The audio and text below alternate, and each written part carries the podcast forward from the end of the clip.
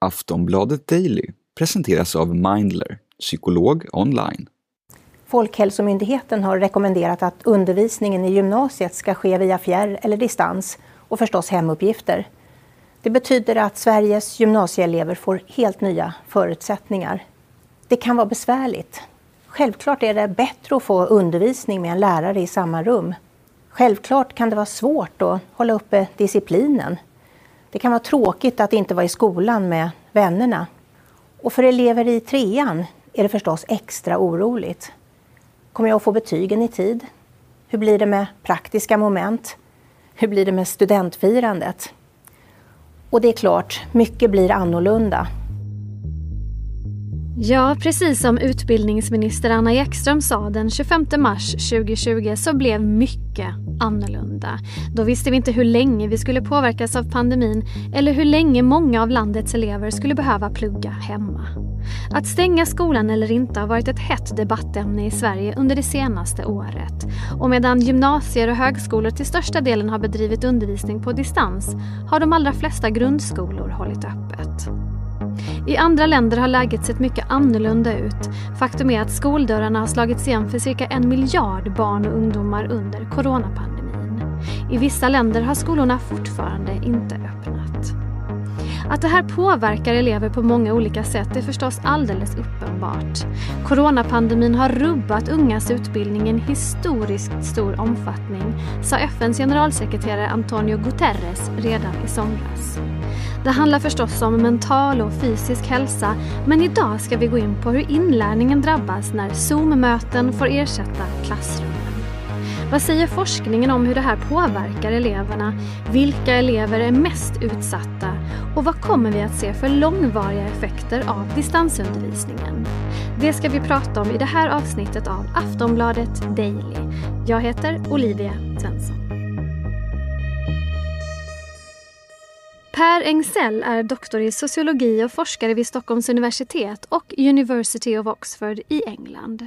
Han har undersökt vilken effekt en lockdown får på kunskapsinhämtningen. Så vi börjar väl där. Vad vet vi om hur barn och unga påverkas av distansundervisning? Eh, ja, det korta svaret på det är all, alldeles för lite. Eh, så att det, det, finns ju naturligtvis studier om hur distansundervisning fungerar, eh, kanske framför allt för äldre elever och universitetsstudier. Och så finns det studier om hur skolstängningar kan påverka elever då från andra erfarenheter när lärare har gått ut i strejk och, och så här. Eh, men vi har egentligen ingenting som är riktigt jämförbart det som vi har upplevt nu under pandemin. Sen så skulle jag säga att det har också blivit uppenbart på något sätt att vi eh, saknar data om hur elever lär sig i, i realtid till skillnad då från eh, de här eh, strömmen av data om eh, smittfall, IVA-inläggningar, dödstal, eh, ekonomiska indikatorer, hur folk rör sig via smartphone-data och så där, så, så har vi liksom famlat i blindo när det gäller elevers studieprestationer. Um, så att det har funnits en, en väldig brist på data då, som, som um, börjar um, åtgärdas, men uh, vi vet fortfarande för lite. Ja, nu har det i alla fall gjorts en studie på barn i Nederländerna. Kan du berätta vad den här studien visar? Ja, precis. Ehm, vi följde elever i grundskolan och tittade på deras prestationer före och efter eh, skolor stängde där i, i, under våren 2020 eh, i åtta veckor. Och det som vi kom fram till var att Eh, distansundervisningen ledde till att eleverna halkade efter ungefär precis så många veckor som de var borta från skolor. Um, så att, och sen så andra eh, forskare har, har tittat på resultat oberoende och, och, och eh, kommit fram till liknande. Även om man gör lite andra antaganden så är det åtminstone 70 procent av, av inlärningen eh, under den här perioden tappades helt bort. Så att det tyder på att eh, distansundervisning i grundskolan är svårt. Mm. Eh, när du och, det var du och dina kollegor då som gjorde den här studien, hur reagerade ni på resultatet? Blev ni förvånade eller var det ungefär vad ni hade trott? Nej, jag tror man får säga att den här studien bekräftar de farhågor som väldigt många hade alldeles från början. Så att experter har varnat för kostnaderna och svårigheterna med att stänga skolor eh, och svårigheterna med att också kompensera då för, för det här resultatbortfallet som sker. Eh, men innan vår studie gjordes så hade vi ingen data egentligen för att underbygga det, utan det, det, det byggde på, um, på, på, teorier och på erfarenhet, men uh, man har inte kunnat visa det tidigare. Men våra resultat bekräftar i princip um, de, sådana här projektioner som har gjorts av till exempel Världsbanken eller EU-kommissionens forskningsenhet. De försökte förutsäga vad det här skulle leda till för konsekvenser och våra resultat hamnar väldigt, väldigt nära de projektionerna. Så att det, det var ingen överraskning. Kan man se någon skillnad mellan olika elever eller drabbade alla lika mycket så att säga? Ja, när vi började med den här studien så hade vi en mängd olika hypoteser. Så vi tänkte, kan det vara så att äldre barn klarar sig bättre på distans än yngre? Klarar sig flickor bättre än pojkar till exempel om de har bättre studiedisciplin? Um, och så vidare. Det, det visade sig att de här skolstängningarna slog i princip lika hårt mot alla grupper med ett undantag. Uh, och det var elever med lågutbildade föräldrar. Och här kunde vi se att förlusterna var i genomsnitt 50% större än i resten av populationen. Oj, det var mycket. Ja, eh, det är en väldigt slående, eh, det är väldigt slående skillnad, särskilt då eftersom det finns så lite skillnader när man jämför andra grupper. Så det är verkligen eh, här som vi hittar eh, stora tappet. Vi ska snart prata mer med Per Engsell, men först några ord från vår sponsor. Skulle du vilja prata med en psykolog men vet inte riktigt hur du ska göra? Mindler är en digital vårdgivare där du fritt kan välja bland 300 psykologer och prata online via videosamtal eller chatt. Ett samtal kostar 100 kronor. Du är garanterad en tid inom 24 timmar och genom hela din behandling kommer du att få träffa samma psykolog. Via Mindler-appen kan du även ta del av ett stort antal självhjälpsprogram. Läs mer på mindler.se. Looking at where we are now, we think now that we must apply downward pressure, further downward pressure on that upward curve by closing the schools. 98.8% of our schools have closed down. Uh, we expect the smaller rural districts, uh, with just 1.2% or so of the remaining kids, about 6.1 million uh, children, are now no longer in school. Ja, under året som gått har den här typen av besked duggat tätt. Skolor som stängs och elever som får sitta hemma. Forskarna verkar ju ense om att distansundervisning är dåligt för lärandet men finns det någon möjlighet för eleverna att komma ikapp när skolorna öppnar igen? Vi hör Per Engsell. Ja, det finns de som är väldigt pessimistiska och hävdar här att lärande är liksom en kumulativ process, att om man tappar grunderna så gör det att man bara halkar längre och längre efter. Ehm, när man tittar på liknande situationer då, alltså e-, elever som har varit borta från, från skolan av andra anledningar, eh, skolor kanske har stängt när det har varit ehm, extremt väder eller ehm, så här, då ofta vad man hittar är att eh, man, man kommer tillbaka. Eh, det, det, finns lite blandade resultat. Det finns studier som tyder på att, att skolfrånvaro Ehm, leder till även inkomstbortfall och så vidare i längre fram i livet. Men eh, samtidigt så finns det studier som, som visar att eh, de här eh, effekterna inte nödvändigtvis behöver hänga kvar resten av livet. Så att det hänger nog väldigt mycket på vad man gör för att följa upp resultaten och, ehm, och, och för att kompensera det här och, och vilket eh, eh, politiskt ehm, vad, hur stor allvar man, man tar det här på politiskt helt enkelt, eh, i, i min gissning.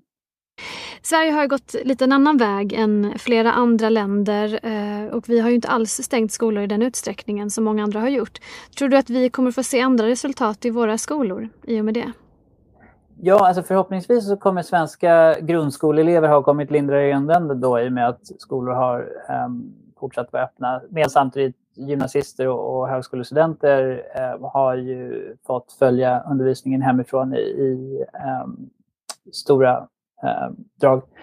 Så att ehm, det, och det ska vi säga, det här grundar sig också på någon slags ehm, antagande om att äldre elever klarar den här distansundervisningen bättre. Och det är ju ingenting som vi hittar i vår studie där vi jämför eh, äldre och yngre grundskoleelever bland annat. Där, där, där slår det eh, lika hårt. Um, men uh, ja, förhoppningsvis så det här okonventionella eh, beslutet som Sverige har tagit att, att prioritera skolorna kommer också visa sig ha den utdelningen som man hoppats. Och det tror jag att allt som vi vet nu eh, tyder på det. Men mm. det får visa sig. Nu är ju det här bara en studie. Om och när kan vi vänta oss mer forskning och, och fler resultat, mer insikt?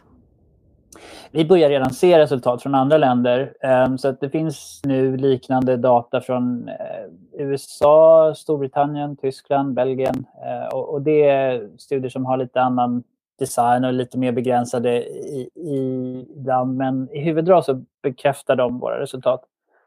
Ehm, så att eh, den stora frågan är inte om det här visar sig i andra länder. Det är, det är redan helt tydligt att det gör. Utan eh, som du var inne på, hur bestående de här konsekvenserna är. Eh, och det kommer vi naturligtvis få följa under en, en lång tid framöver. Och vad förväntar du dig för resultat? Vad, vad är din teori om vad vi kommer att få se? Ja, min förhoppning är att man tar det här på, på, på stort allvar politiskt så att man verkligen följer upp Ehm, eh, och, och, ser vad det är som e-, eventuellt bör åtgärdas för de um, elever och studenter som har haft distansundervisning och att man ser till att sätta in resurser. Um, och det har man gjort i Nederländerna då, som vi tittade på. Där har man uh, gått ut med ett paket på 8 miljarder euro som är en ganska hisnande summa um, för att kompensera de här skolstängningarna på, på alla nivåer av utbildningssystemet. Um, och uh, som sagt, förhoppningen är att liknande initiativ tas i andra länder som har stängt skolor och att eh, det har effekt så att man eh, kan reparera de här konsekvenserna. Men eh, man kan nog inte, man bör nog inte vänta och hoppas att det läker av sig själv så att säga, utan eh, det förtjänar att tas på allvar. Och nu är ju Nederländerna ett väldigt välmående land om man jämför med många andra länder som har haft nedstängningar där finns väl kanske ingen chans att, att, eh, att, så att säga, reparera skadan med hjälp av, av pengar till exempel och insatser på det sättet?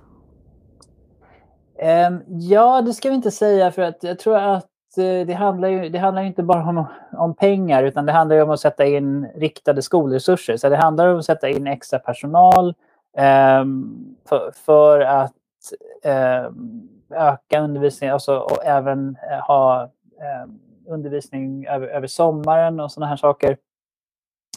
Um, så att det är nog absolut saker som, um, som kan ha en, en stor effekt. Um, och vi börjar, vi gör en, vi, vi är startgrupperna för att göra en uppföljning av vår studie.